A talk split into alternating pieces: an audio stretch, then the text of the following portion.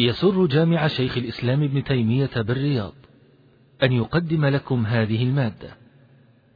شرح بلوغ المرام لفضيلة الشيخ عبد المحسن ابن عبد الله الزامل وذلك ضمن دروس الدورة العلمية المكثفة التاسعة لعام 1423 من الهجرة بجامع شيخ الإسلام ابن تيمية رحمه الله تعالى بسلطانه. نسأل الله تعالى أن ينفع بها المسلمين.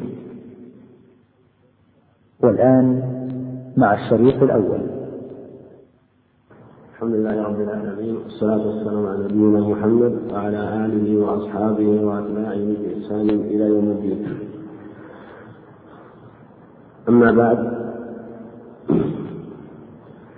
سيكون الدرس في كتاب بلوغ المرام كما معلوم من كتاب البيوع. والبيوع كما هو معلوم من الأبواب المهمة خاصة في مثل هذا الزمان الذي كثر فيه المعاملات المحرمة كثر فيه الغش الربا والغرر وكثر من لا يبالي بأخذ المال من حلال أم من حرام وكثر من يشترط شروطا في البيع والشراء لا يتقي فيها ربه سبحانه وتعالى بأن يكون ذلك عن بصيرة وعن علم. ولهذا كثر فيه الظلم والشح وظهر الربا في كثير أو عند كثير من الناس ولم يبالي كثير من الناس أن من حل أخذ المال أم من حرام بل الحلال عنده ما حل في يده. وكتاب البيوع فيه مسائل كثيرة ويحتاج إلى التأني في بعض المسائل خاصة في كثير من المسائل التي تجدد منها ما يكون واضحا بينا ومنها ما يكون خفيا يحتاج إلى البحث. وقد طرق أهل العلم في هذا الوقت كثير من المجامع ومن طريق كثير من البحوث كثيرا من هذه المسائل ومنها ما يتفق عليه ومنها ما يختلف فيه ومنها ما يحتاج إلى مزيد بحث وعناية.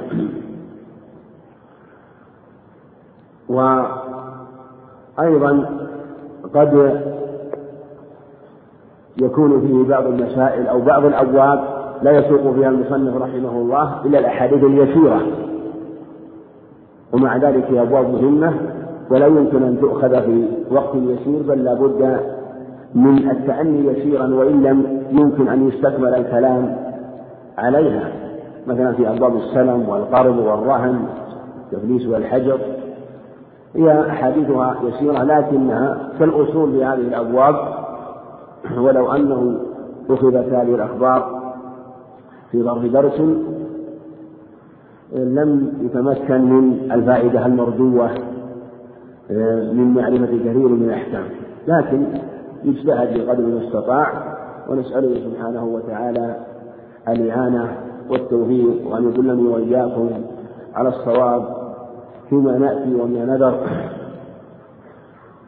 آمين. قال الحافظ رحمه الله كتاب البيوع البيوع جمع بيع. وجمعه لاختلاف أنواع البياعات التي تجري بين الناس.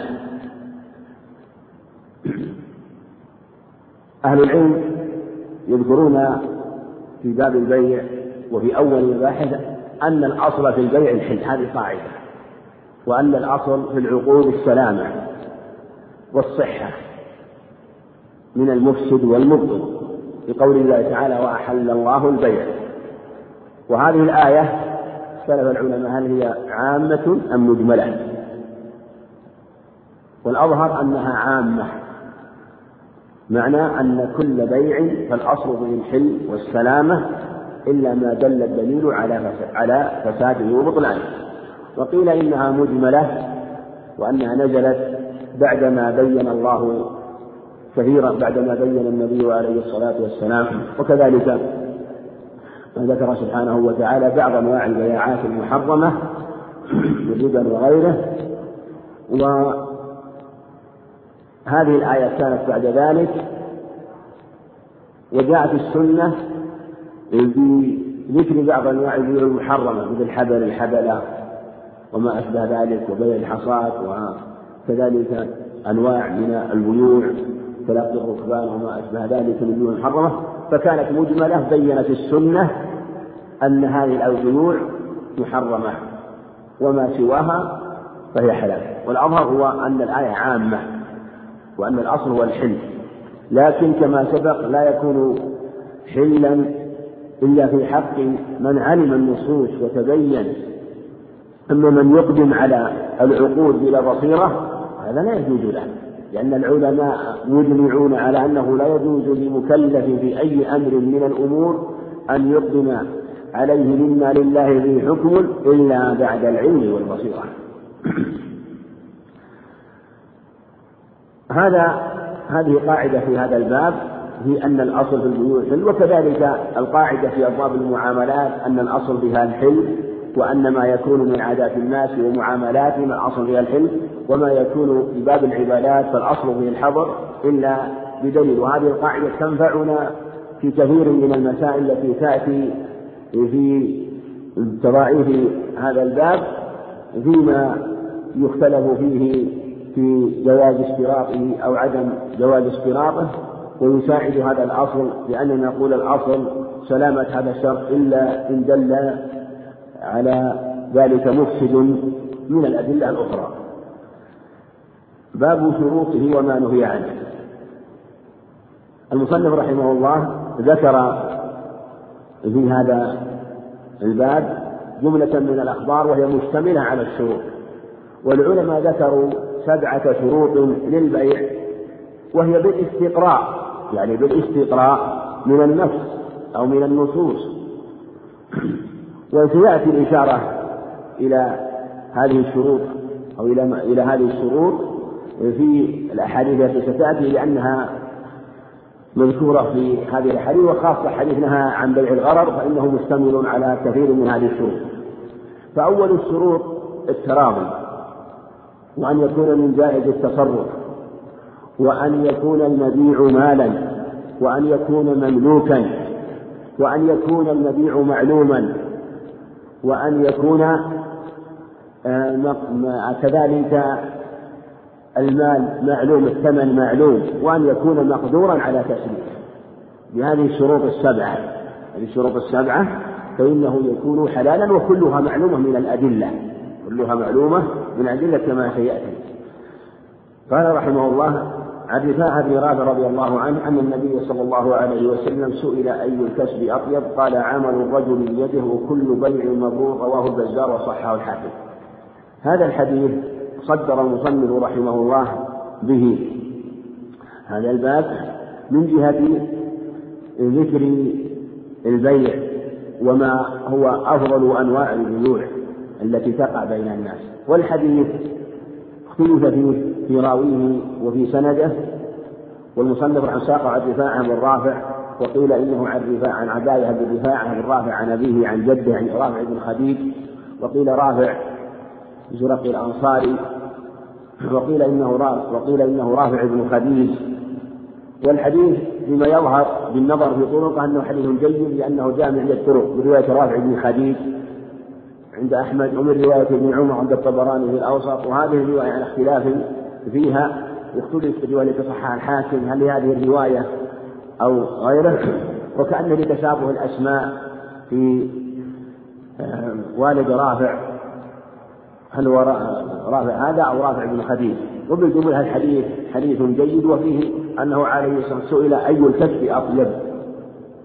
قال عمل الرجل بيده عمل الرجل بيده وكل بيع مبرور وهذا فيه دليل على أن أفضل المكاسب ما كان مباشرة ما كان يباشر باليد لأنه أقرب إلى حسن التوكل على الله عز وجل حيث أنه يباشر بالفعل بالفعل العمل والبيع والشراء بيده وهو متوكل على الله فلهذا قال عمل الرجل بيده.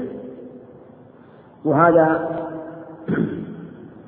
أيضا يشهد له أنه عليه الصلاة والسلام قال في حديث المقدام مع أبي أن داود عليه الصلاة والسلام كان يأمر بدوابه فتسرد فيقرأ القرآن قبل أن تسرد دوابه وكان لا يأكل إلا من عمل يده.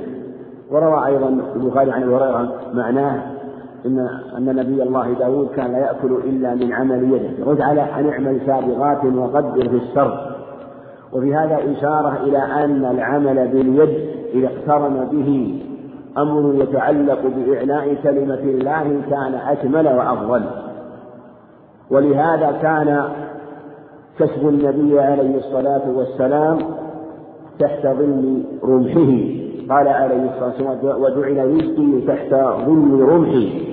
فأفضل المكاسب ما كان قهرا لأعداء الله وقتالا لأعداء الله وأخذ بالقهر لأعداء الله عن طريق الجهاد وهي المغانم والمكاسب وهي وهو كسب النبي عليه الصلاة والسلام وكسب أصحابه فهو أفضل المكاسب وأزكاها أفضل المكاسب وأزكاها وأطيبها. ثم بعد ذلك يكون عمل اليد بحسب الشيء المعمول فقد يكون عن طريق الزراعة وقد يكون عن طريق الحدادة أو الخراجة أو البناء كله من عمل اليد. وبالجملة كل بيع مبرور وكل بيع وبهذا جاء النبي عليه الصلاة والسلام بكلمة خاصة قال عمل الرجل بيده ثم قال وكل بيع مبرور حتى لا يهم الاختصاص.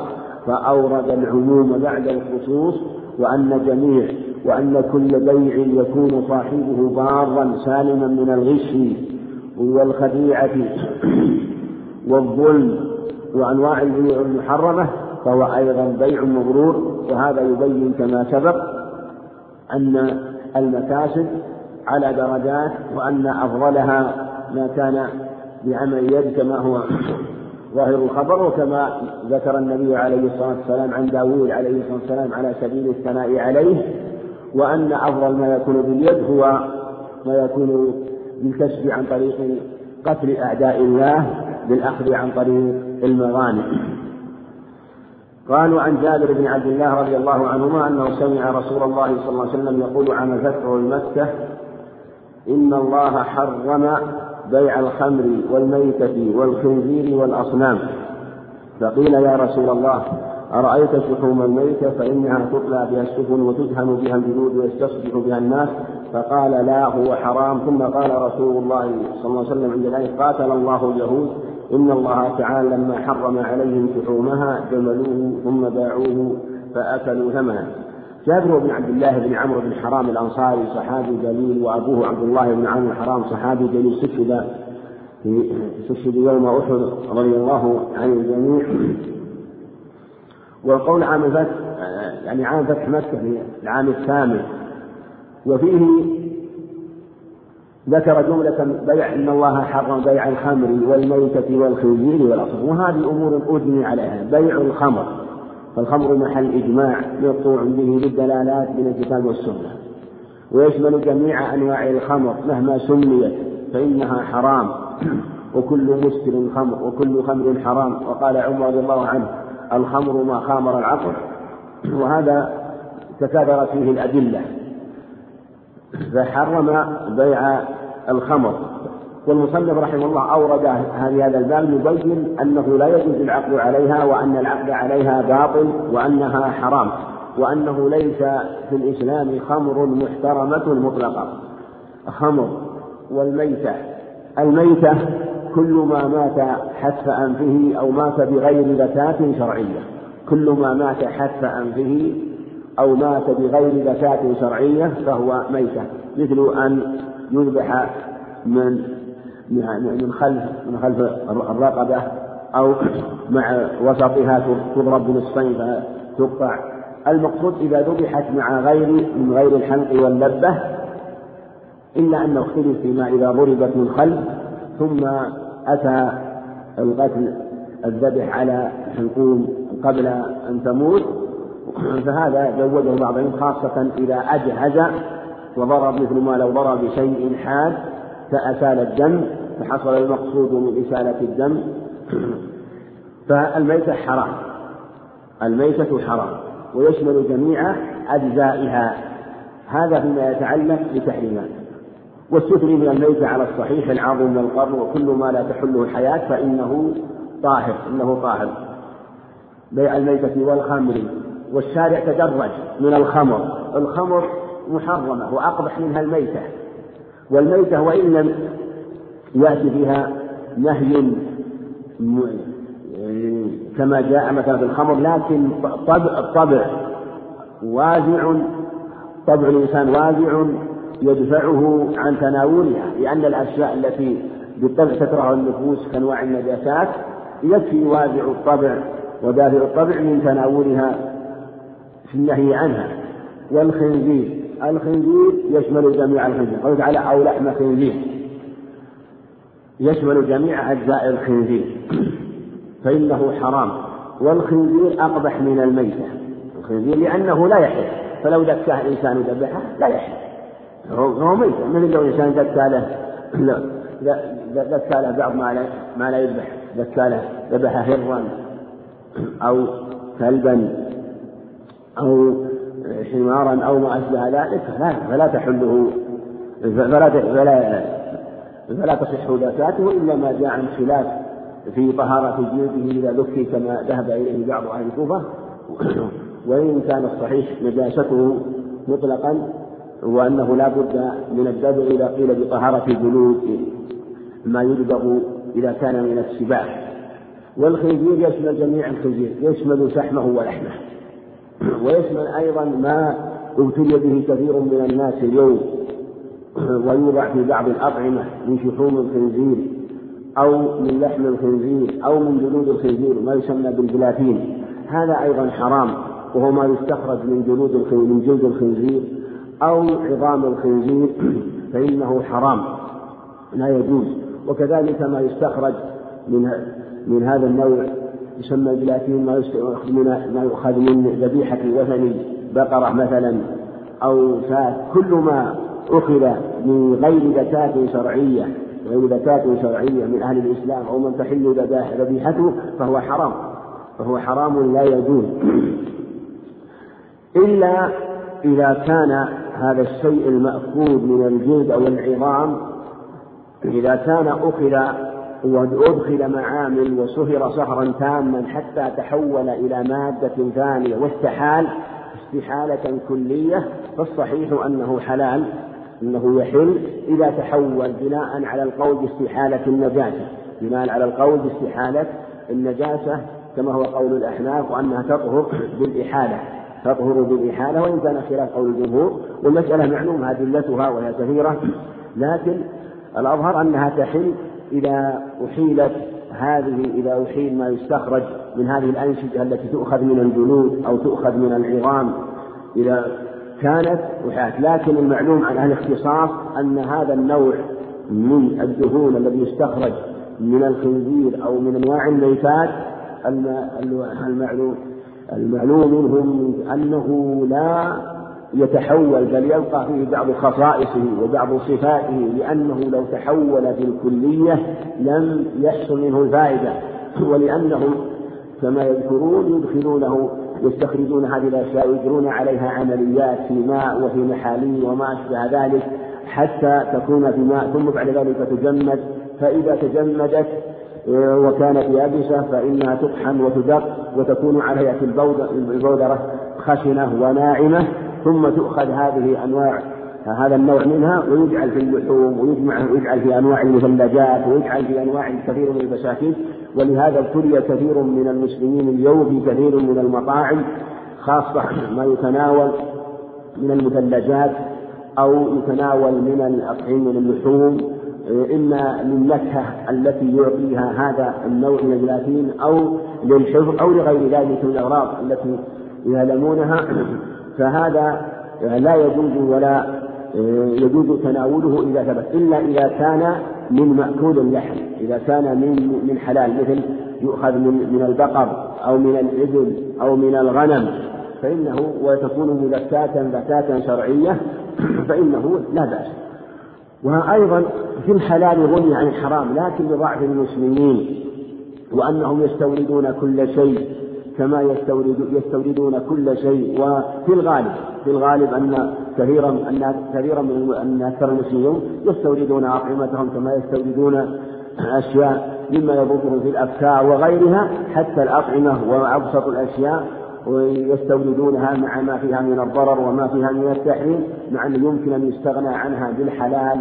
الطيب مما يؤخذ من من هذه اللحوم الطيبة المذكاة زكاة شرعية.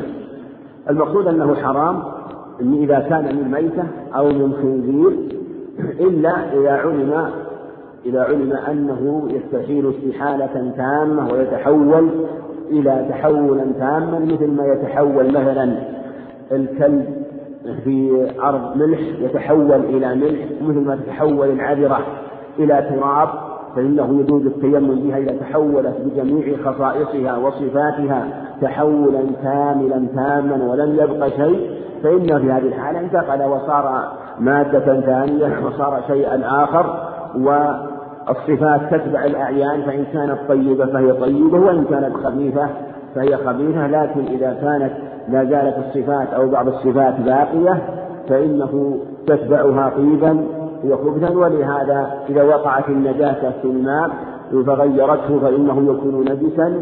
وإذا غلب الطاهر على النجس بالكثرة أو بطول المكث فتحول هذا النجس وصار ماء طيبا طاهرا لا طعم للنجاسة ولا لون لها ولا ريح كان طيبا. كذلك أيضا في باب المأكولات. المقصود أنه عليه الصلاة والسلام حرم هذه الأشياء الميتة والخنزير والأصنام فهو عليه الصلاة والسلام حرم ثلاثة أشياء.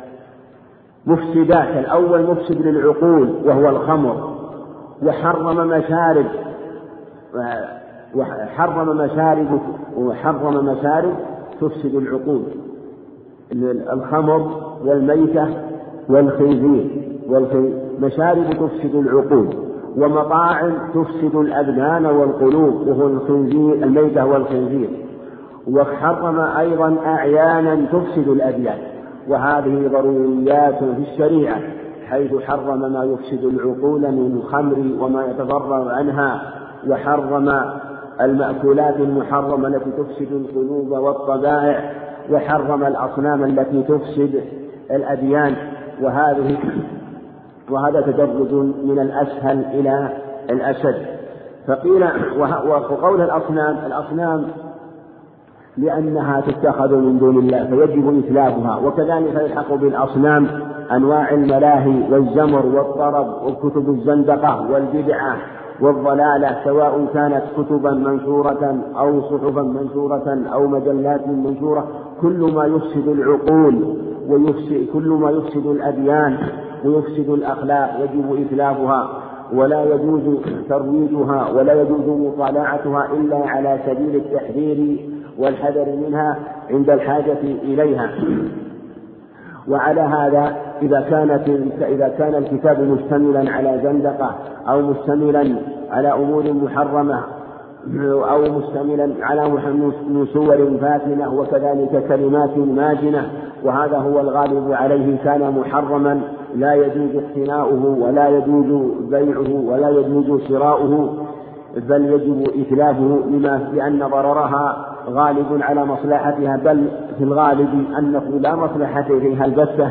ولهذا يجب الحذر خاصة في مثل هذا الوقت الذي كثر فيه دعاة الشر والضلالة والمفسدون عن طريق ما يكتب ويقال فيجب الحذر والتحرير حتى يكون آه، المسلم على حذر في نفسه وحذر في من يخالطه من أهله وإخوانه.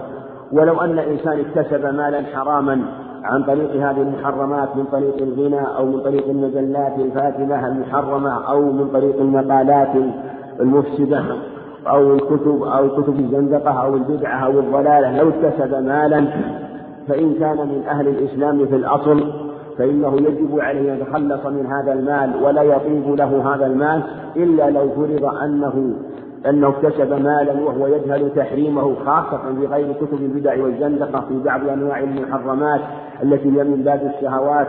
جهل ذلك مثلا فهذا له له بحث. لكن في إذا كان يعلم ذلك خاصة بين المسلمين وفي مثل بلادنا هذا ينتشر الخير والعلم والتذكير بالأمور المحرمات عن عن طريق ما يسمع ويكتب وينشر وهو كثير ولله الحمد في هذه البلاد.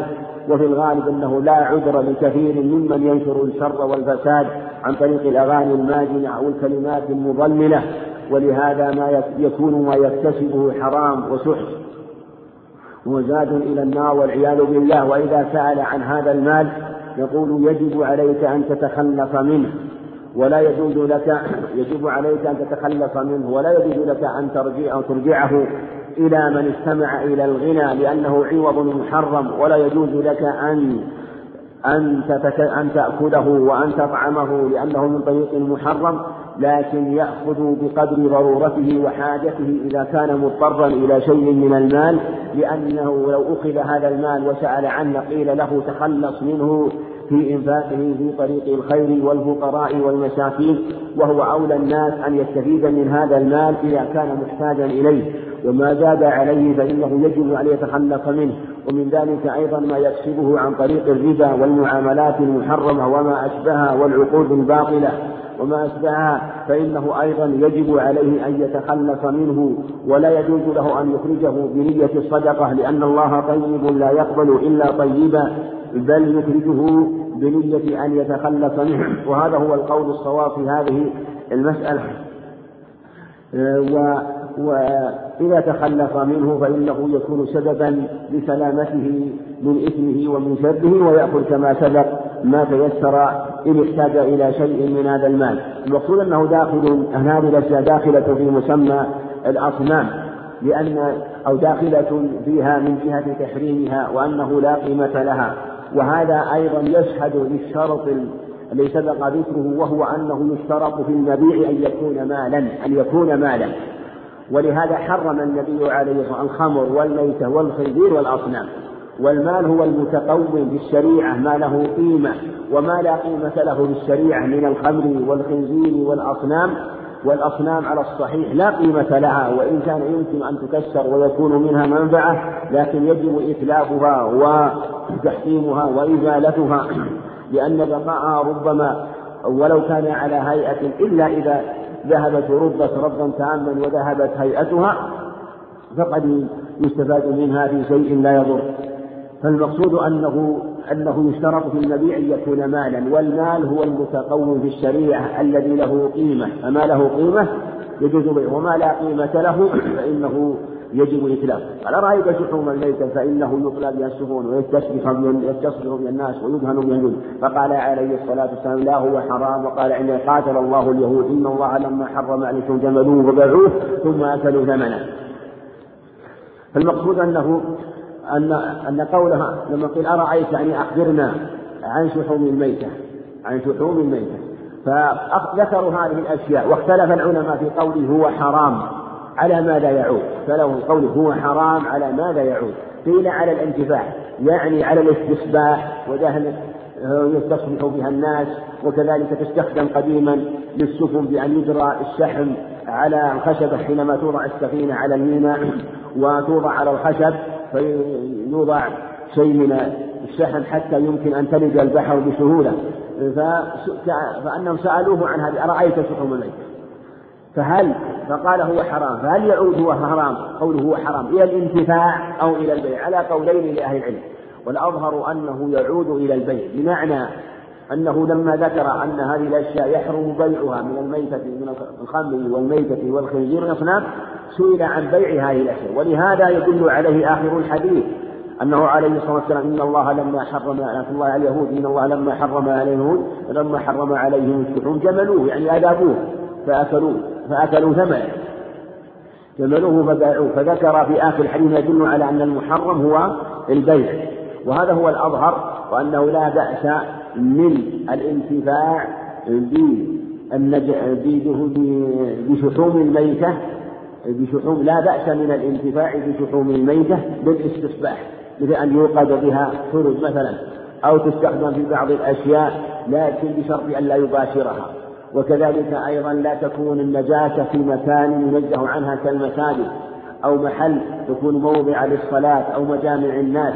فلا بأس من استخدام النجاسة وأيضا على الصحيح لا بأس بالانتفاع بالنجاسات لا بأس بالانتفاع في عموم النجاسات من لحوم الميتة مثل ما يدل عليه أنه يجوز أن تطعم الكلاب يجوز أن تطعم الكلاب وما يدل عليه أبدا الصحيحين أنه عليه الصلاة والسلام قال دخلت دخلت النار دخلت النار امرأة ودخلت امرأة دخلت امرأة النار في هرة حبستها فلا هي أطعمتها ولا هي تركتها تأكل من خشاش الأرض.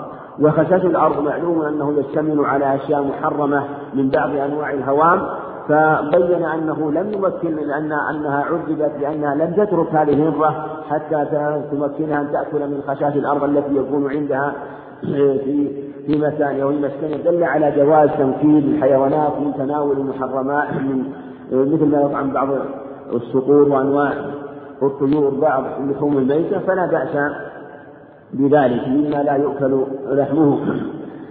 فلا بأس من الانتفاع بالميتة. ومن ذلك أيضا في مثل هذا الزمان بعض أنواع النجاسات التي تتحول إلى مواد أخرى. وهذا في الحقيقة يبني كما سبق على يعني عندنا أمران. أمر يكون به انتفاع على سبيل الإتلاف أمر يكون انتفاع على سبيل الإتلاف مثل يستصبح بالزيت يتلف بالنار.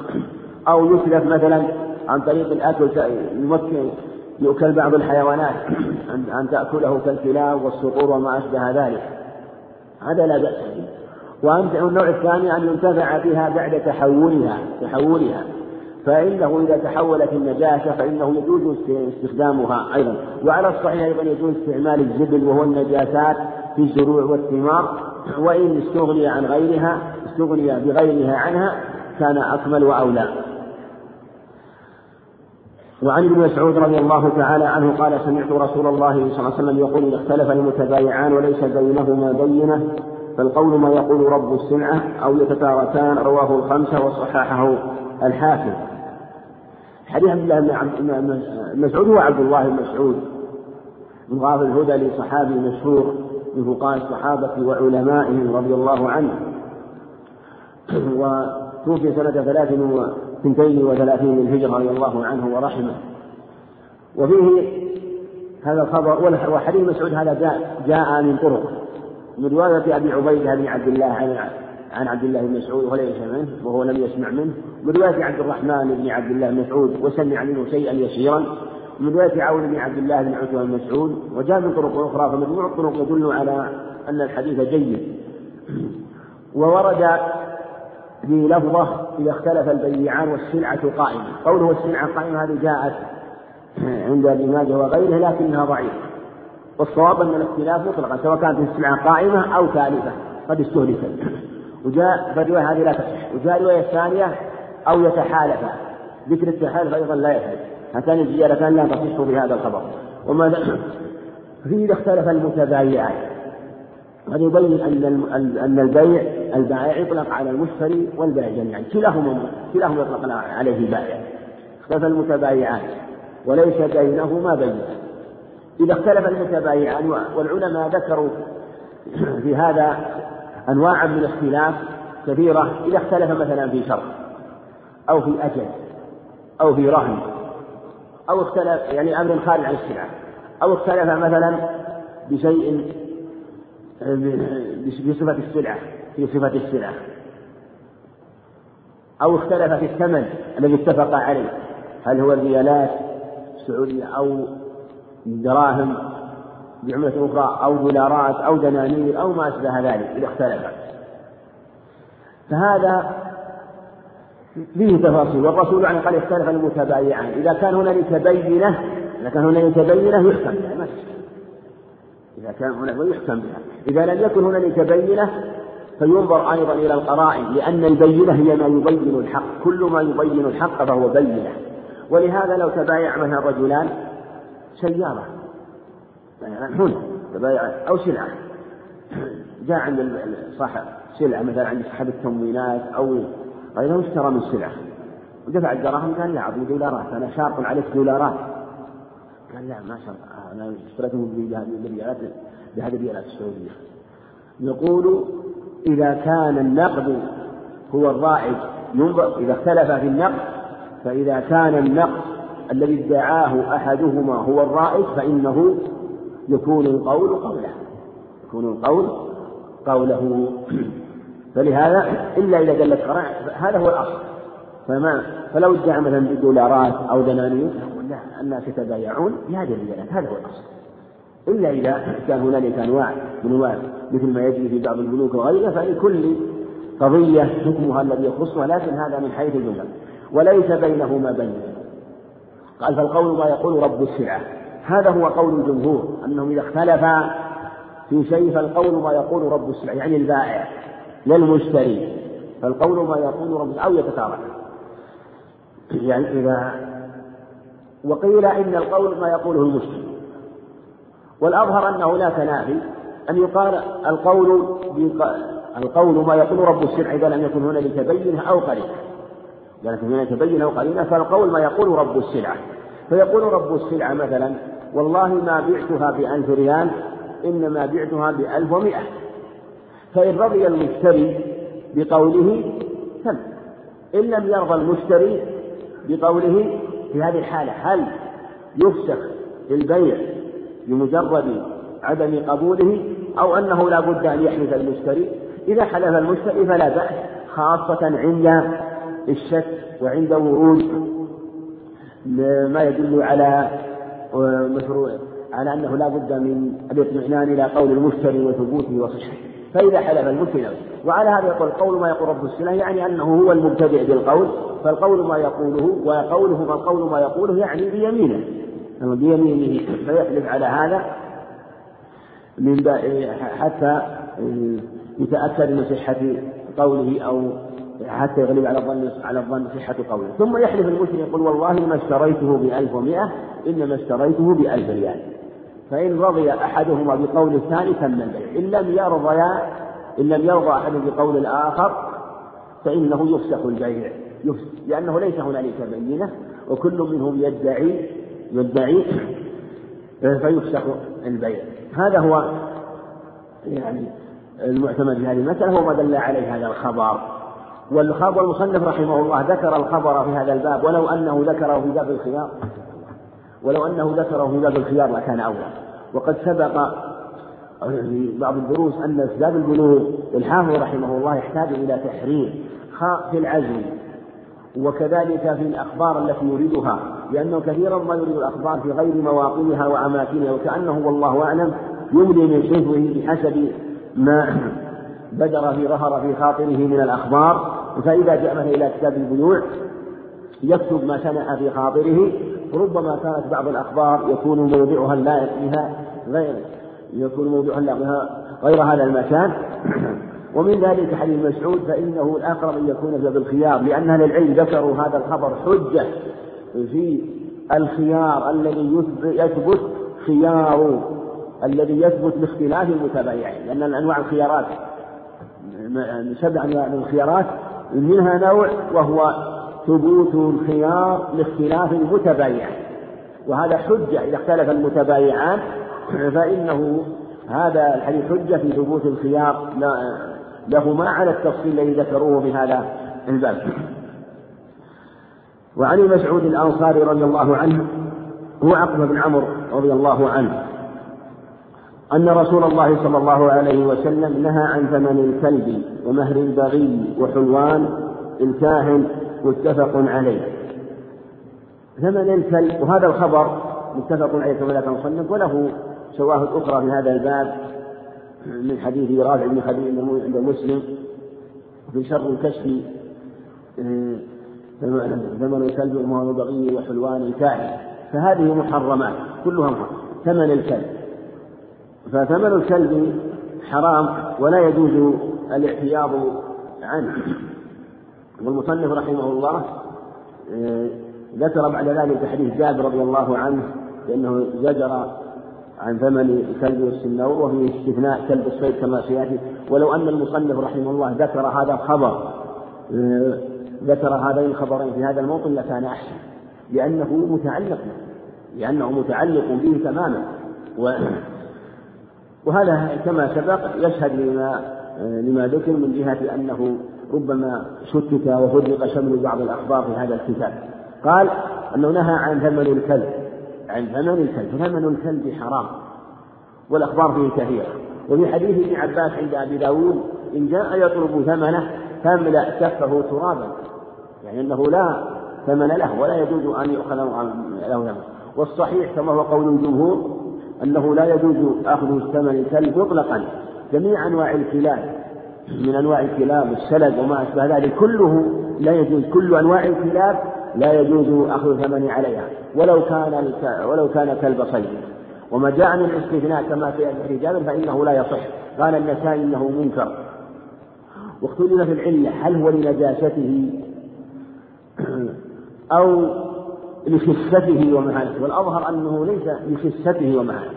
الأظهر أن النهي عنه لأجل المهانة وأن النفوس الأبية نفوس الكرام تعبى أن تأخذ الثمن على الكلاب. ولهذا تجد لا يتبايع هذه الكلاب ولا يشتري فيها إلا أصحاب النفوس الدنيئة والنفوس التي لا همة لها وقد تكون همتها قريبا من همة هذه السلعة التي وقع البيع عليها.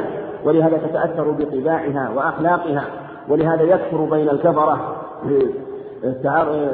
بيع هذه الكلاب بل قد ابتلي كثير من المسلمين اليوم وشباب المسلمين ابتلي كثير منهم بتربية الكلاب. وهذا من المصائب والبلايا أن يبتلوا بمثل هذه ويصرفون لها نوعا من الحب والمودة والعطف والعفو مطلوب لكن المقصود أنهم يجعلون ما حرم الله في موطنهم في مكان الحل في مكان الحل فيباشرون نجاساتها وربما تعرضوا لأمراضها وأضرارها. فلهذا فلهذا نهي مع أن الشارع الحكيم أنه نهى عن ثمنها إلا أنه حرم إيذاءها وحرم قتلها وأنه لا يجوز إيذاؤها ولا يجوز قتلها إلا الكلب المؤذي والعقوق المؤذي وما يشبه من أنواع السباع المؤذية فنهى عن ثمن الكلب ويشمل جميع أنواعه. ويستثنى من أنواع الكلاب التي تجوز ما يجوز تربيته كما هو معلوم كالصيد والحرب والماشية هذا يجوز بناؤه لكن لا يجوز أخذ الثمن عليه والمعاوضة عليه لأنه مثل ما كما سيأتي في الهر أنه لا يجوز المعاوضة عليه لأن هذه أمور تبذل. وإذا كان الشارع الحكيم أوجب العارية على الصحيح أوجب عارية القدر والبائس وأنواع ما يحتاج إليه الناس.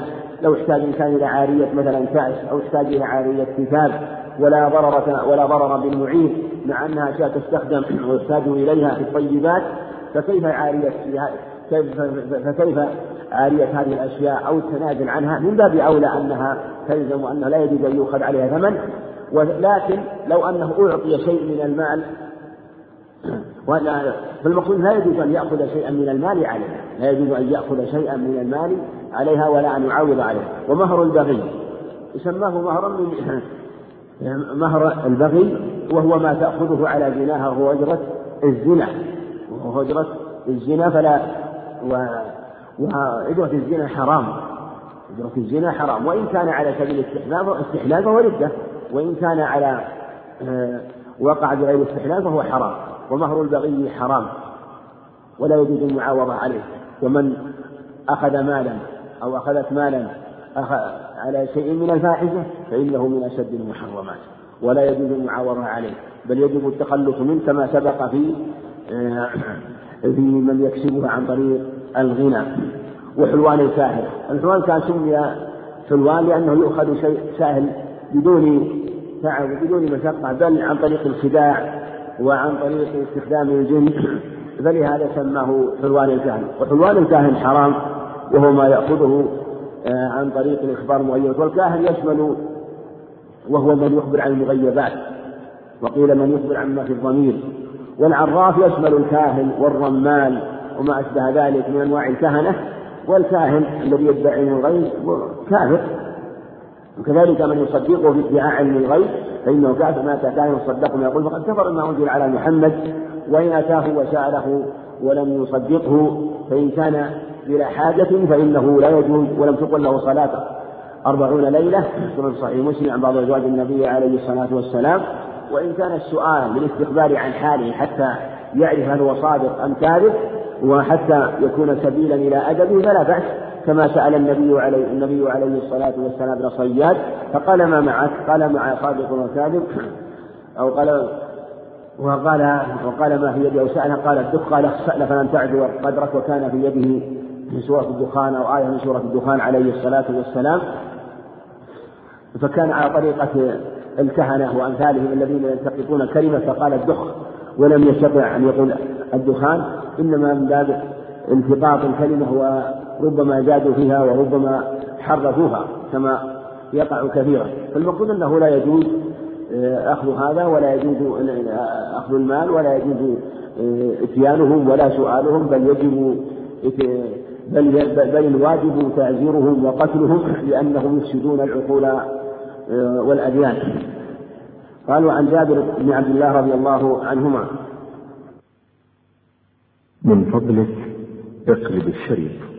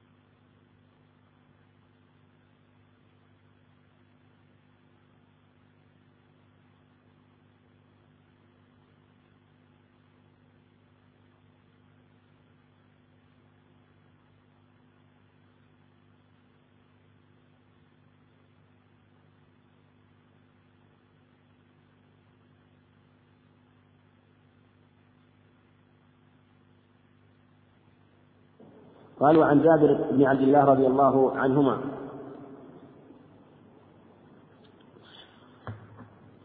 أنه وعن جابر بن عبد الله رضي الله عنهما أنه كان على جمل قد أعيا فأراد أن يسيبه فلحق فلحق فلاحقني النبي صلى الله عليه وسلم فدعاني وضربه فسار سيرا لم يسر مثله فقال بعنيه بوقية قلت لا ثم قال بعنيه بعت بوقية واشتركت حملانه إلى أهلي فلما بلغت أتيته بالجمل فنقدني ثمنه ثم رجعت فأرسل في أثري فقال أتراني ما كستك آخذ جملك؟ خذ جملك ودراهمك وهو لك متفق عليه. وهذا السياق لمسلم. هذا الخبر عن جابر رضي الله عنه فيه فوائد كثيرة. هي أنه لا بأس من ركوب الجمل وأنه عليه كان يركب أصحابه. وفيه أيضا أنه إذا كان يتعبه الركوب ويضره فإنه لا يجوز الضرر به. وفيه ما كان عليه الصلاة والسلام من العناية بأصحابه والنظر له ولهذا انتبه له والتفت إليه عليه الصلاة والسلام. وفيه أنه ربما دعا لخصوصية بعض الأصحاب إذا تعرض لأمر من الأمور التي تشق عليه لأنه آه، أتعبه جمله فكان يتأخر في آخر الجيش فجاء عليه الصلاة والسلام فدعا جاء في بعض الروايات أنه استغفر له. وفي لفظ أنه استغفر لي ليلة الجمل خمسا وعشرين مرة كما عند النسائي. فهنيئا له رضي الله عنه. فدعا له عليه الصلاة والسلام واستغفر له فسار سيرا لم يسر مثله. هذا ببركة دعائه عليه الصلاة والسلام وبركة مناولته أو مباشرته للشيء وهكذا مبارك عليه الصلاة والسلام. لم فقد كان يشتد حينما ضربه بعصا معه فكان أول أمر قطوف بطيء السير فبعد ذلك كان سريعا وكان ربما منعه باللجام حتى لا يتقدم الجيش ولا يتقدم النبي عليه الصلاة والسلام.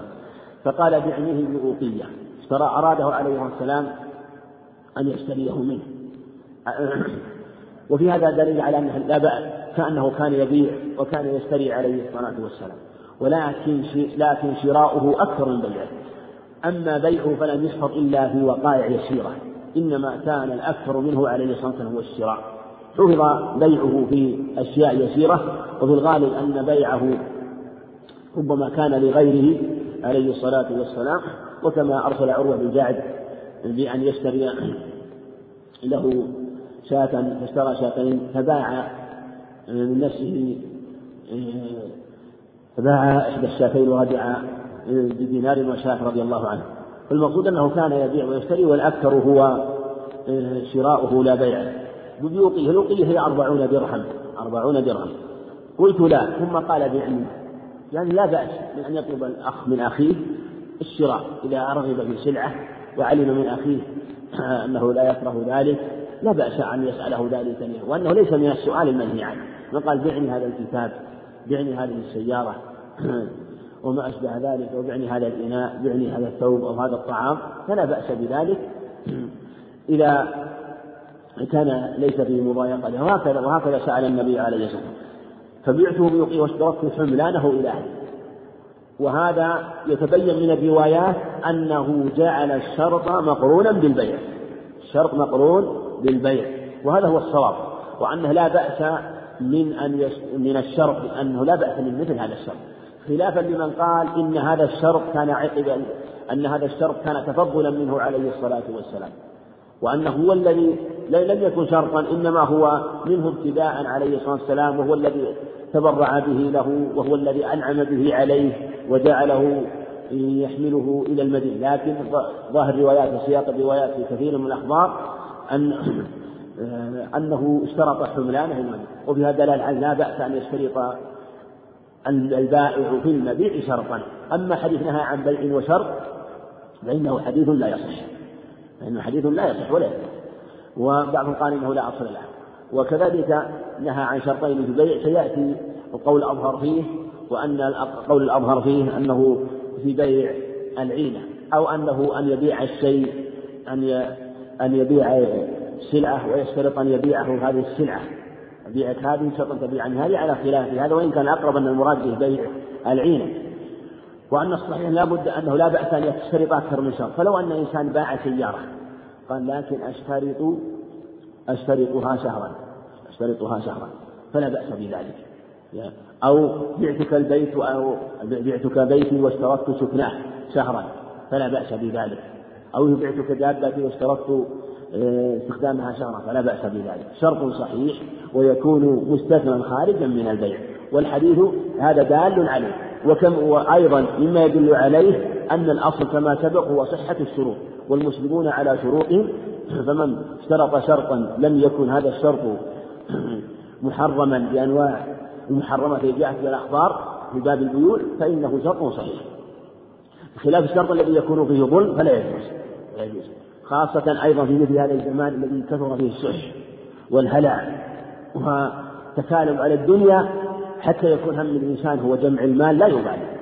خاصة إذا كان التعامل مع عمال مساكين لا حيلة لهم فيظلمون ولهذا تجد كثيرا من الناس يتعامل مع بعض العمال إما في سيارات الأجرة أو في بعض أنواع البقالات أو أنواع المحلات التي تكون خدمات للناس من نجارة أو سباكة أو غيرها أو ما أشبه ذلك ربما كان فيه ظلم وربما اشترط الإنسان على العامل قال أشترط عليك أنت أن تسلم لي خمسة آلاف ريال.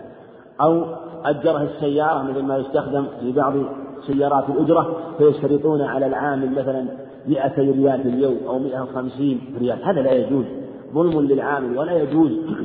لأن هذا نوع من الظلم وربما كان نوعا من القمار وربما لم يكسب هذا المسكين هذا هذا المال فربما آه، لم يكسب فكان فيه ضرر عليه. فلا يجوز أن يشترط عليه مقدارا معينا من المال إذا كان فيه ظلم.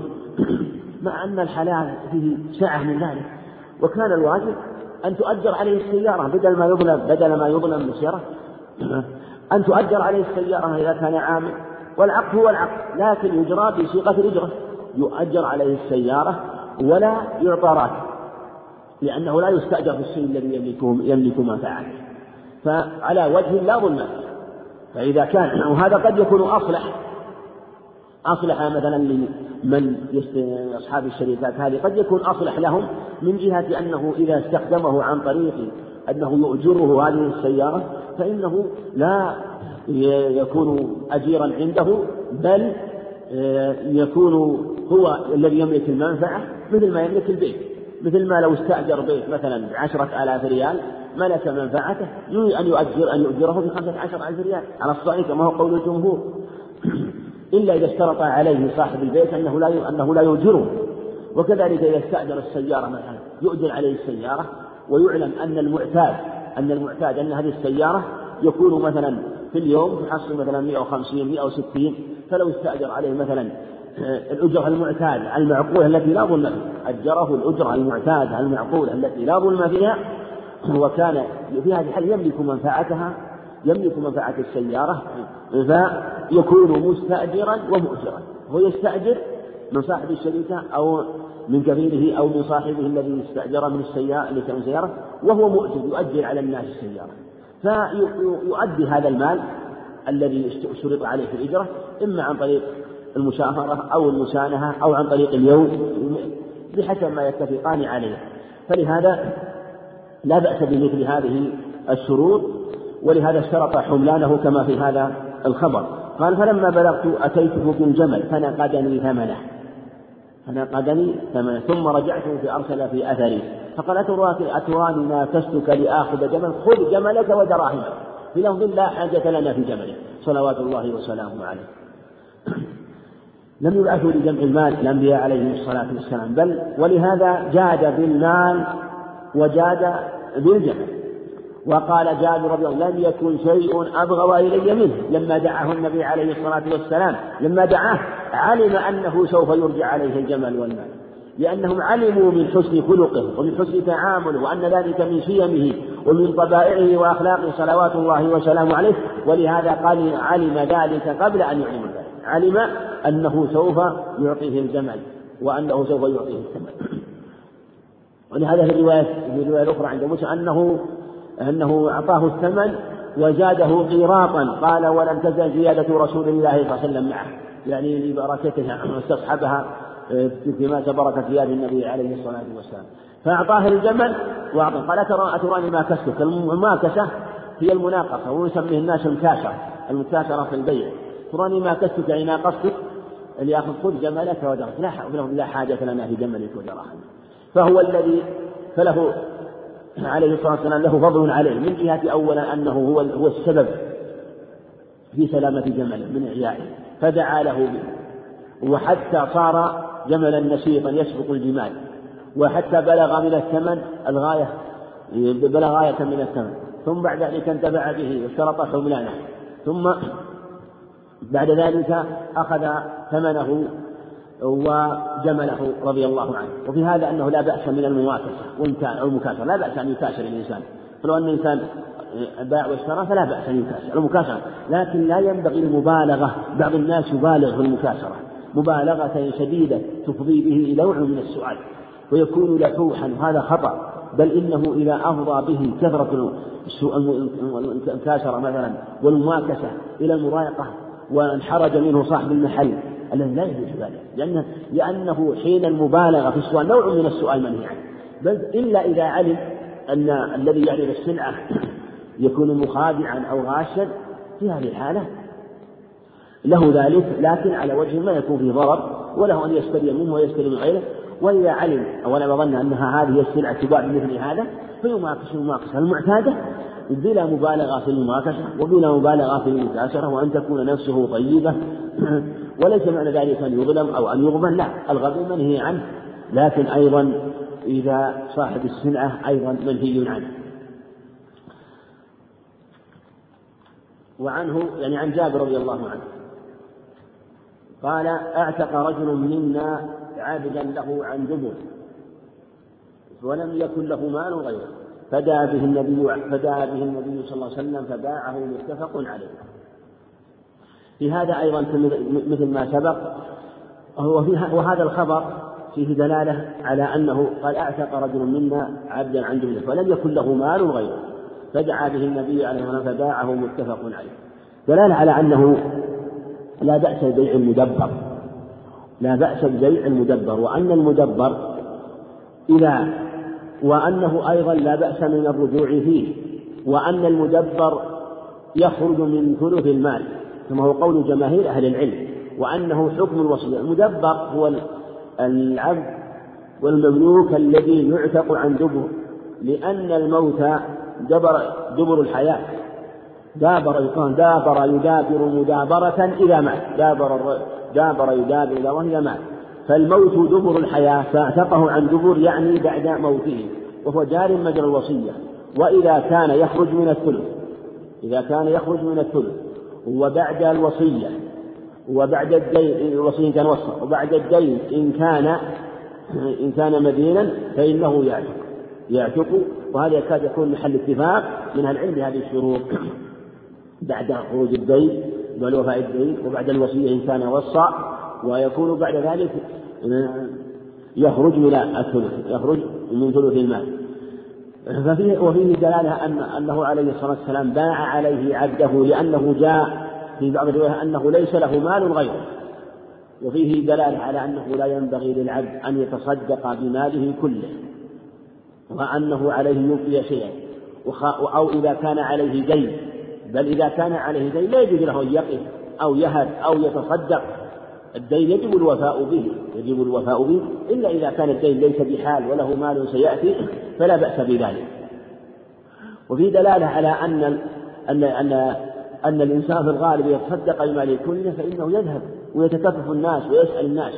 ولهذا من أمكنه أن لا يسأل الناس ويتصدق بماله كله ويصبر وعنده قوة ويقين ولم يكن له لديه أولاد ولا زوجة أو كان له أولاد وزوجة وهم يصبرون يصبرهم على ذلك ويتحملون ما يتحمل بلا مشقة ولا ضرر فإن الصحيح أن يتصدق بماله كله.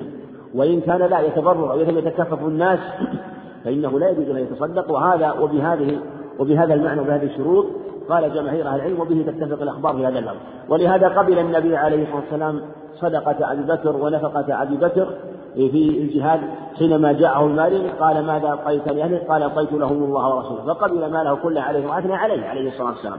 ولما جاء ذلك الرجل من حديث جابر ببيضة من ذهب قال خذها فما أملك غيرها. فجاءه من ناحية وجهه فأدبر عنه. ثم جاءه من ناحية الركن الأيمن ثم الأيسر ثم خلفه ثم أخذها عليه الصلاة والسلام أخذ البيضة من الذهب فرماه بها. فلو أصابته قال فلو أصابته لعقرت ثم قال يأتي أحدكم بمال كله ثم يذهب ويتكفف الناس. وأمره وقال له من أنا اذهب اذهب لا حاجة لنا في ماله أو كما قال عليه الصلاة والسلام. فهذا أنكر عليه. وفي حديث ابي سعيد الخدري في ذلك الرجل الذي سأل الناس عليه الصلاة خطب الناس وأمرهم أن يتصدقوا على ذلك الرجل لأنه رآه رث الهيئة. ضعيف الحال فتصدق عليه بثوبين فدعا النبي عليه الصدقة فأخذ أحد الثوبين فتصدق بهما فنهاه النبي عليه الصلاة والسلام. لأنه محتاج ولأنه يسأل وقبل المسألة فنهاه عن ذلك. دل على أن من من هذه حاله أنه يبقي له الشيء الذي يدفع سؤال الناس يدفع به سؤال سؤاله للناس. وعن ميمونة زوج النبي رضي الله عنها زوج النبي صلى الله عليه وسلم أن فأرة وقعت في سم فماتت فيه فسئل النبي صلى الله عليه وسلم عنها فقال ألقوها وما حولها وكلوه رواه البخاري وزاد أحمد والنسائي في ذم جامد. وعن أبي هريرة رضي الله عنه قال قال رسول الله صلى الله عليه وسلم إذا وقعت الفأرة في السمن فإن كان جامدا فألقوها وما حولها وإن كان مائعا فلا تقربوه رواه أحمد وأبو داود وقد حكم عليه البخاري وأبو حاتم وأبو حاتم بالوهم. حديث ميمونة رضي الله عنه في البخاري أنه قال في في هذه فأرة وقعت في سمن كما روت ميمونة. فقال عليه الصلاة والسلام ألقوها وما حولها. في رواية أحمد وأبي داود عن أبي هريرة أنه عليه الصلاة والسلام قال إن كان ماء فلا تقربوه. فرق بين الجامد والمائع في لفظ عند الطحاوي فإن كان مائعا فاستصبحوا به. وأصح الروايات أثبتها رواية البخاري رواية البخاري وما سواها وهم كما حكم البخاري وأبو حاتم وأنه وهم وهم من معمر. ويدل عليه أنه روى عن الزهري وأنه كان يفتي بخلاف ذلك رضي الله عنه. عنه. وهذا هو الصواب. وأنها وقعت في سمن وأن وأن الحديث ليس فيه تفصيل بين الجامد والمائع وهذا دلالة على أنه إذا وقعت الفأرة في سمن فماتت أو نحوها مما يموت كل ما مات حتى أنت فهو ميت وفي أنها ماتت لأنها هي طاهرة. على الصحيح لكنها لما ماتت صارت نجسة. وهكذا أنواع الميتات الأخرى إذا وقعت في شيء من المطعوم. ذهب جمهور العلماء إلى أن النجاسة اليسيرة إذا وقعت في غير الماء من أنواع الشراب والطعام فإنه ينجس ولو كان كثيرا ولو كان قناطير مقنطرة. وذهب آخرون إلى أن حكم الطعام وحكم الشراب غير الماء حكم الماء على تفاصيل ذلك والصواب أن الماء لا ينجس إلا بالتغير. فعلى هذا الزيت والسمن وأنواع والعسل وما أشبه ذلك أيضا لا ينجس إلا بالتغير فإذا وقع فيه نجاسة من دم أو بول أو ميتة فينظر فإن كان قد تغير طعمه أو لونه وريحه فإنه ينجس وإن كان لم يتغير ينظر إلى الموضع الذي فيه النجاسة وما حوله ينظر سواء كان مائع أو جامد يلقى ويستفاد من الباقي وهذا هو الصحيح.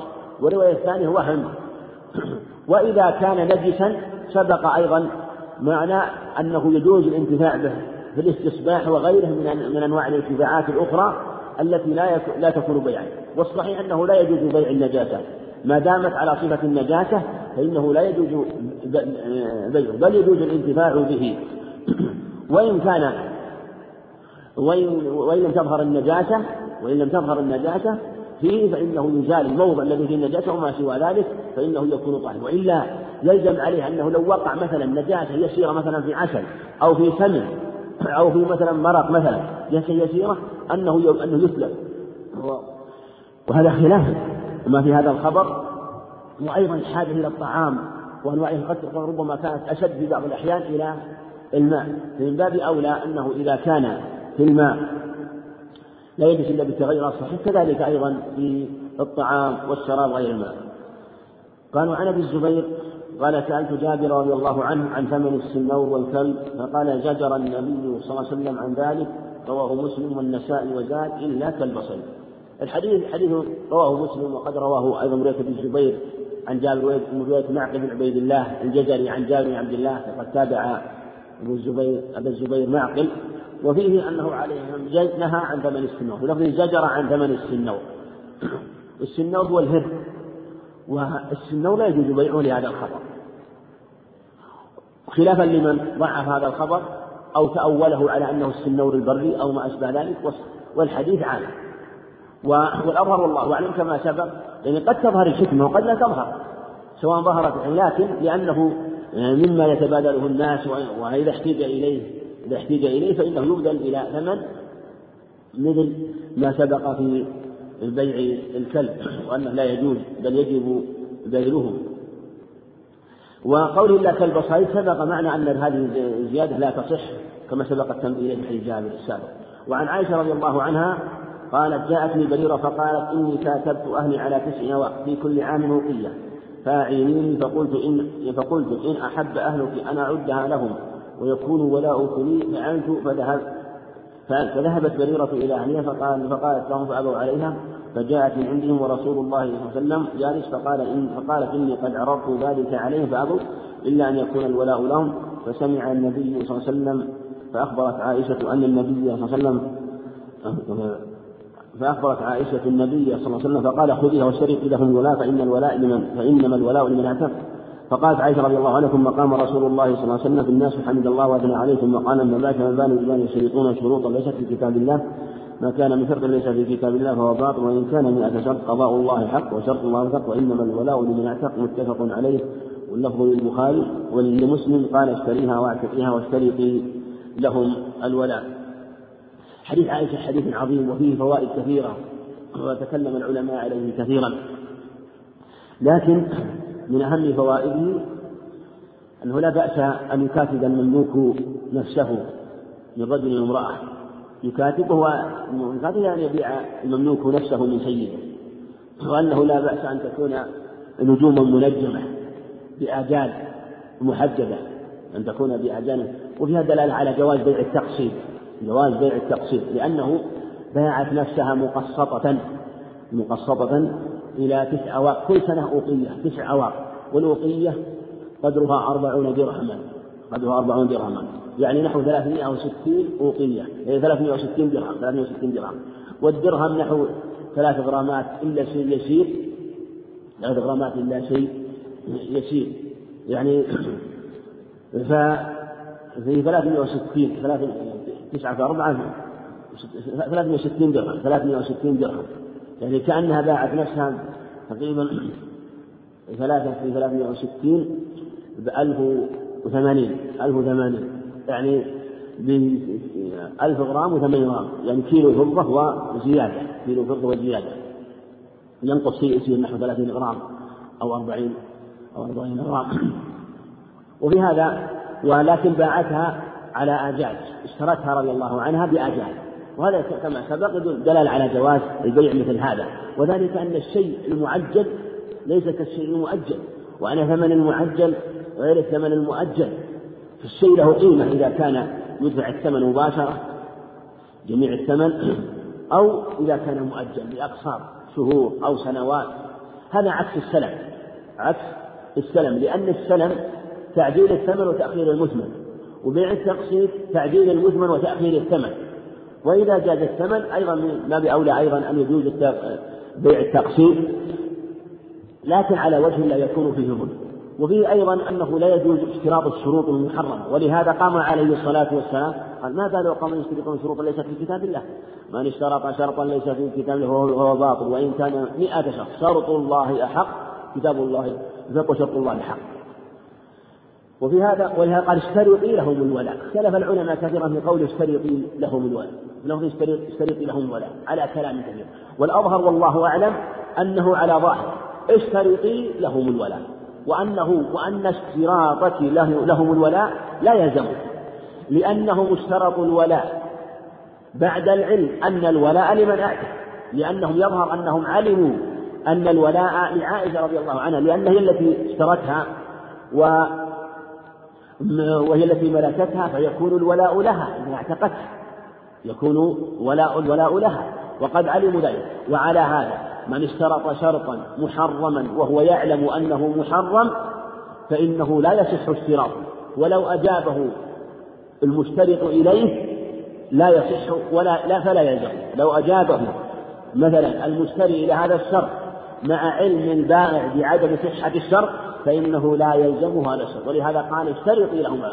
كأنه قال اشترطي أو لا تشترطي فالشرط وعدمه سواء.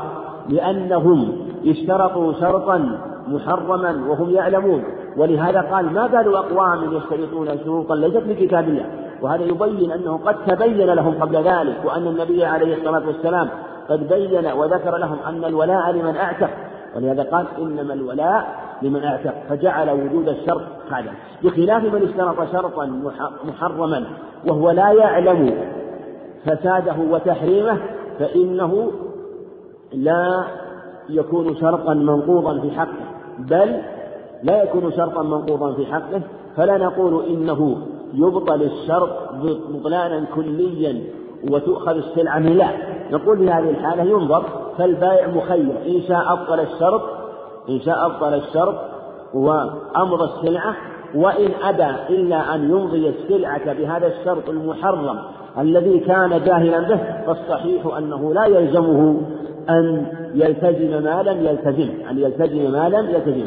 فلو اشترط إنسان شرط لا يجوز وهو جاهل به جاهل بتحريمه يبين له أنه لا يجوز فإن تنازل عن الشرط الحمد لله وإن لم يتنازل فإن شاء فإن أبى إلا بالشرط وإلا أن يبدأ في صنعته له لا بخلاف من اشترط شرطا يعلم أنه محرم فإنه يكون متلاعب. فشرطه لا يصح والتزام المشتري لا يلزمه بذلك ولهذا قال عليه اشترطي لهم الولاء ولهذا قال من اشترط شرطا ليس في كتاب الله فهو باطل وإن كان مئة شرط يعني إذا كان الشرط مخالفا لكتاب الله.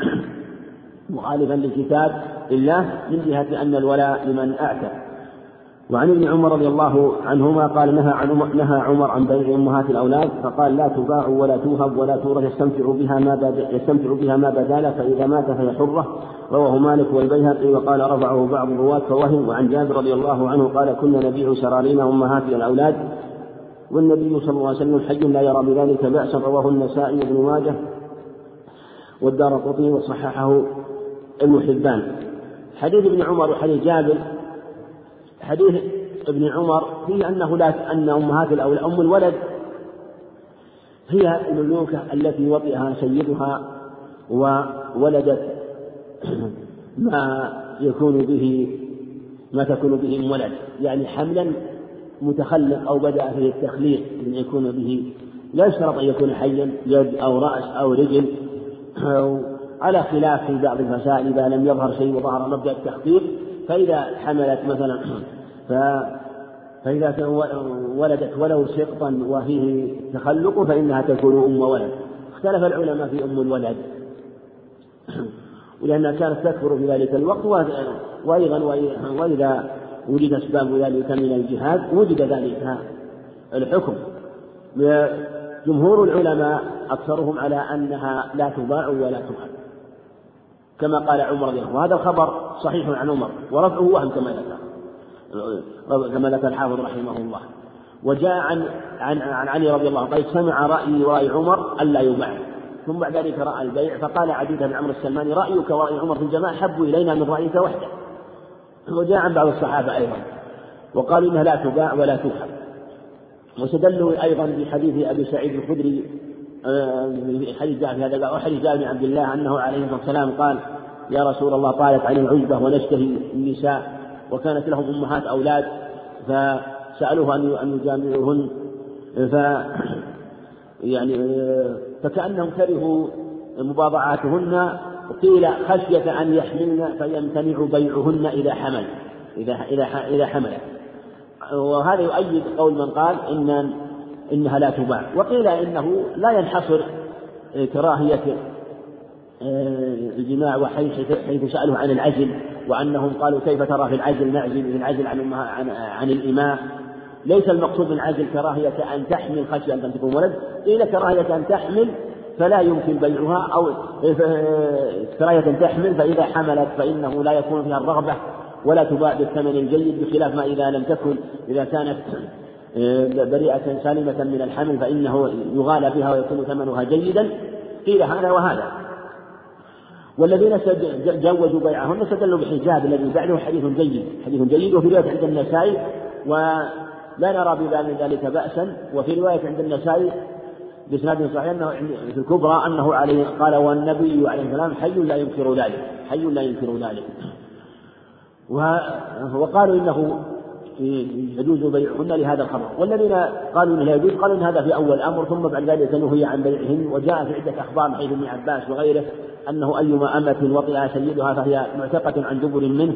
فيه ثبوت هذه الأخبار وقالوا إن ذلك كان في أول الأمر وأنه لم يكن مشتهرا تحريمها ثم بعد ذلك كان في خلافة أبي بكر ثم اشتهر تحريمها وتبين تحريمها في عهد عمر الله فأظهره ومنع من بيعها رضي الله عنه.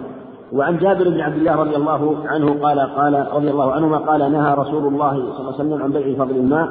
رواه مسلم وزاد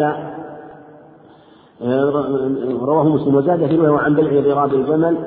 وعن ابن عمر رضي الله عنهما قال نهى رسول الله صلى الله عليه وسلم عن عشب عن عشب الفحل. رواه البخاري.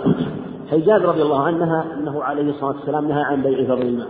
في لفظ صحيح البخاري لا تمنعوا فضل المال تمنعوا به فضل الكلام وفي لفظ ثلاث لا يمنعن الماء والكلاء والنار. عند أبي داود أنه عليه الصلاة والسلام سئل عن الشيء الذي لا يحل منه قال الماء. قيل ما الشيء الذي لا يحل منه؟ قال الماء. قيل ما الشيء الذي لا يحل منه؟ قال الماء وإن تبذل فضله خير لك.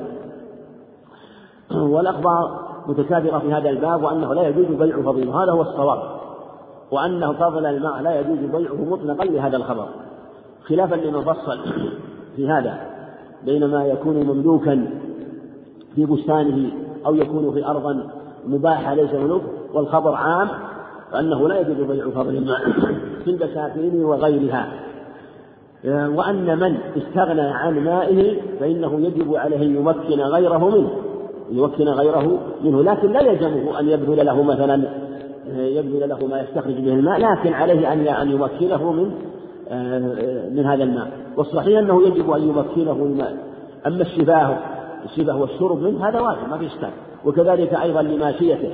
وأيضا إذا احتاج إليه لزرعه أنه يجب عليه يبذل فضل الماء إذا لم يكن عليه ضرر في ذلك إذا لم يكن عليه ضرر في ذلك فلو أن إنسان عنده بئر أو ارتواج مثلا فيها ماء وأراد آه، واستغنى عن حاجته وبجواره أخوه وهو محتاج إلى الماء ولا ضرر عليه والماء مستوف لحاجته وزائد عن حاجته فالماء من فضل الله وما في الأرض وما يجري في الأرض لا يملكه لكن هو يملك البئر والماء تبع البئر يملكها فيجوز أن يبيعها أن يبيع البئر لأنه لأن عثمان رضي الله عنه اشترى بئر روما وقال عليه الصلاة والسلام يشتري بئر روما فله بها في الجنة أو فله الجنة فاشتراها عثمان رضي الله عنه.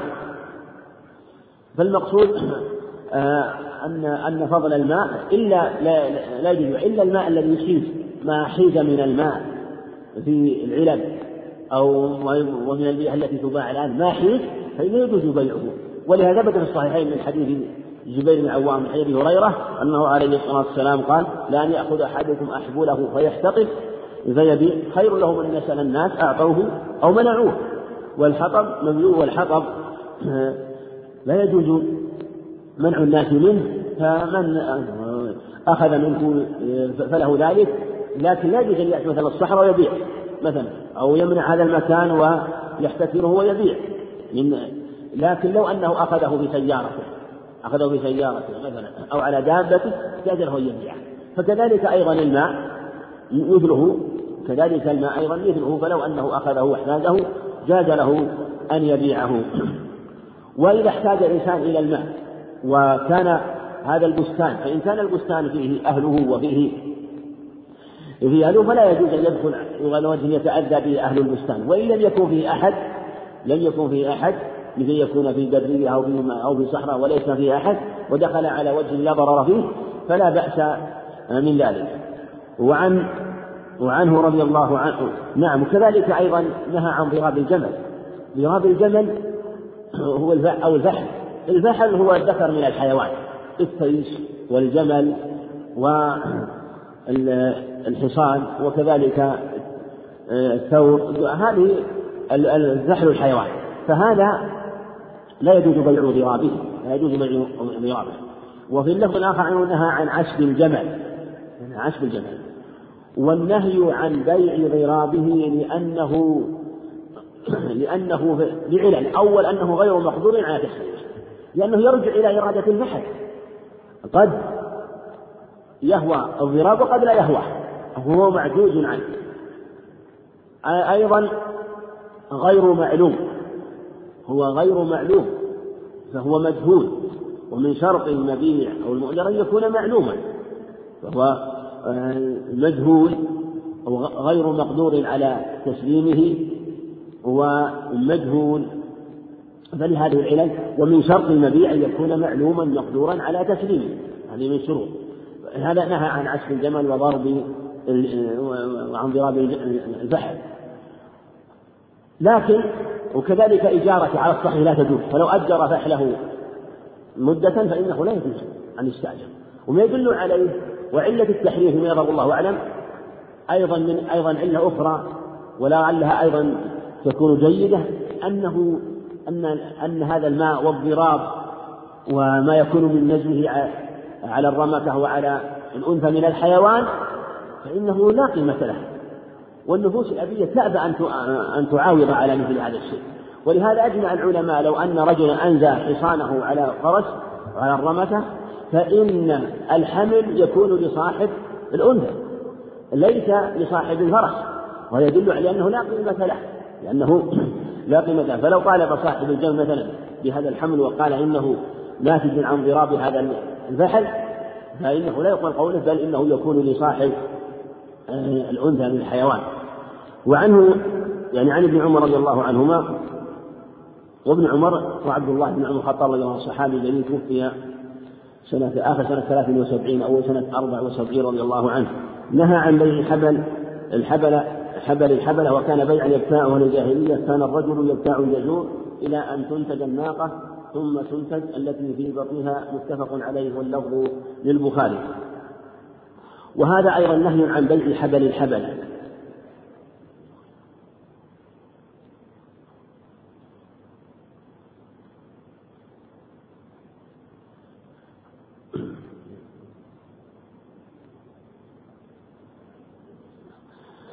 نعم حبل الحبلة النهي عنه قيل للجهالة إما للجهالة هل هو البيع هل هو النهي عن حبل الحبلة أن يبيع شيئا إلى أن تلد الناقة أو أن يلد ولدها لأن تلد الناقة ثم تحمل ولدها ثم يحمل ولدها ثم بعد ذلك أو أنه يباع الحبل نفس الحمل أو يباع حبل الحبل. وعلى كل التقديرات فهو محرم ومن بيوع الجاهلية. والرسول عليه الصلاة والسلام نص على هذا البيع لأنها كانت بيوع توجد في الجاهلية. لأنها كانت بيوع موجودة في الجاهلية فنص النبي عليه الصلاة والسلام عليها وإلا هو جاء بقاعدة عامة كما سيأتي أنه عليه الصلاة والسلام آه، نهى عن بيع الغرر. فجميع أنواع بيوع الغرر آه، كلها لا تجوز وهذه البيوع داخلة في الغرر والمخاطرة للجهل إما بالأجل أو للجهل بالثمن. ولهذا كانت من البيوع المحرمة. نقف على حديث. أحسن الله إليكم. هذا سائل يقول فضيلة الشيخ ما مناسبة ذكر حديث ميمونة رضي الله عنها في نجاسة السمن تحت كتاب البيوع؟ مناسبة والله أعلم لأن السمن له ثلاثة يتعلق بأمور نجاسته فتيتعلق بضرب بالطهارة. وكذلك بيعه يتعلق بذا البيع وأكله يتعلق بالأطعمة فهو رب فلهذا يذكره العلماء في كتاب الطهارة لأنه آه، له مناسبة من جهة النجاسة وهو مبني على النجاسة والطهارة. فإذا قيل بنجاسته حرم بيعه إذا قيل بنجاسته حرم بيعه. وإذا قيل بنجاسته ينظر هل هل يجوز مثل ما سبق هل يجوز الانتفاع به بغير البيع الانتفاع به بغير البيع؟ أو لا مثل ما سبق والصحيح أنه يجوز الانتفاع به بغير البيع. وكذلك أيضا له مناسبة أخرى تتعلق بكتاب العقل من جهة جواز آه، تحريم أكله إذا كان نجسا. فالشيء قد يكون الحديث قد يكون له فوائد عدة وله متعلقات عدة يذكر في كل باب من من الجهة التي تناسبه. نعم. أحسن الله إليكم. هذا سائل يقول إنسان ابتلي بمرض واستعمل علاجات وعمل عمليات كثيرة فلم فلم يكتب الله له الشفاء وقد وصف له شحم الورل فهل يجوز استعماله علما بأن الشحم يستعمل للدهن؟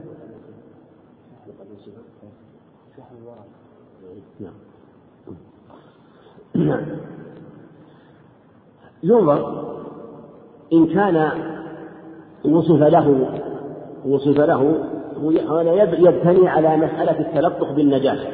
هل يجوز التلطخ بالنجاسة أو لا يجوز؟ كثير من يجوز يقول لا يجوز التلطخ بالنجاسة مطلقا. وقيل إنه يجوز مباشرتها. والأظهر أن النجاسة يجوز التلطف بها عند الحاجة والأصل أن المحرم لا يجوز التداوي به يجوز التداوي به. فإذا كان على جهة تناوله أكلا وشربا فيحرم. أما إذا كان على جهة ملابسته بدون أكل له وثبت ذلك أنه ينفع فالأظهر أنه يجوز حتى ينظر هل ينظر فيه مثلا القول بنجاسته أيضا ينظر ينظر إلا أنه معلوم أنه لا يمكن استفادة من آه، هو في حال الحياة طاهر.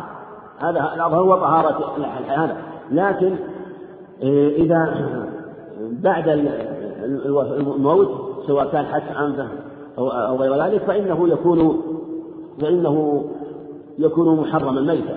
فعلى هذا يكون نجسا يكون نجسا. والنجاسة يجوز التلطف بها عند الحاجة. ولهذا يجوز أن يباشر الإنسان النجاسة في إزالة الأذى من السبيلين مخرج السبيلين. فإذا ثبت إن ثبت ذلك فلا إن ثبت ذلك جاز. وقد ذكر بعض أهل العلم وأفتى بعض أئمة الدعوة بأنه يجوز مباشرة النجاسة والتلطف ببعض أنواع النجاسات أو بعض أنواع ما يدهن به من أنواع النجاسات التي تكون علاجا على جهة الدهن بها على جهة الدهن بها ويكون بقدر الحاجة بقدر الحاجة. وعليه أن يحتاط بأن لا يحتاط في إصابة بدن في إصابة ثيابه. وإذا أصابه شيء من ذلك بادر إلى غسله فيكون أخذه بقدر الحاجة. هذا ما يظهر في هذه المسألة. نعم. أحسن الله إليكم. هذا يقول فضيلة الشيخ هل ثبت الإجماع على إباحة التقسيط وهل يعد قائل بالتحريم مخالفا للإجماع؟ ذكر بعض العلم الإجماع على ذلك لكن لا يشترط المسائل يكون فيها إجماع. والتقسيط إن لم يكن إجماع فهو قول جماهير أهل العلم قول جماهير أهل العلم. والأصل كما سبق أن الأصل هو حل البيوع هذا هو الأصل. فمن قال إن بيع التقسيط حرام فعليه الدليل. فهو عليه. وهذا أمر مشاهد أمر مشاهد. الآن الثمن الآن الإنسان يشتري مثلا سيارة على طريق السلم مثلا أو يشتري ثمرة عن طريق السلم تساوي حالا مثلا عشرة آلاف مثلا يشتري سيارة عن طريق السلم. آه، تساوي مثلا مئة ألف ريال. مئة ألف مئة ألف ريال. مثلا فيقدم ثمنها معجلا يقدم ثمنها معجلا يقدم ثمنها معجلا. فإذا قدم ثمنها معجل لها قيمة. إذا قدم ثمنها بخلاف ما إذا كانت فلهذا تنزل قيمتها. فلو كانت مثلا مئة ألف ريال حاضرة موجودة مصنوعة فإنه ربما اشتراها بثمانين ألف ريال. ثمانين ألف ريال لماذا؟ لأنه لما تأجلت سيارة أو هذا أو الطعام تأجل في الذمة ولم يسلمه صاحبه قل ثمنه قل ثمنه. كذلك أيضا لا فرق بين أن يكون التقسيط يعني والزيادة في جهة الثمن أو جهة المدمن كذلك أيضا عكس مثلا إذا كان المعجل هو المدمن المعجل هو المدمن والمؤخر هو الثمن. فلو كانت السيارة تساوي مثلا ثمانين ألف ريال حالة يشتريها مئة ألف ريال مؤجلة. بالعكس كان المؤجل في الصورة الأولى هو السيارة والمؤجل في الصورة الثانية هو الثمن وكلاهما بيع وكلاهما كلاهما بيع. فما الذي يجيز هذا ولا يمنع هذا؟ وكلاهما نوع من التقسيط وكلاهما بيع في الذمة. هذا تعجيل للثمن وهذا تعجيل للمذمن ومما يدل عليه أيضا كما سبق حديث بريرة حديث عائشة رضي الله عنها قصة بريرة أنها اشترتها بتسع آواء مؤجلة. في تسع سنوات كل سنة أوقية. ولا شك أنها لو اشترتها بثمن معجل فإن لها قيمة. أن لها قيمة. نعم. أحسن الله إليكم وأثابكم ونفعنا بعلمكم. وصلى الله على نبينا محمد وعلى آله وصحبه أجمعين. جزا الله فضيلة الشيخ خيرا على ما قدم وجعله في ميزان حسناته. والسلام عليكم ورحمة الله وبركاته.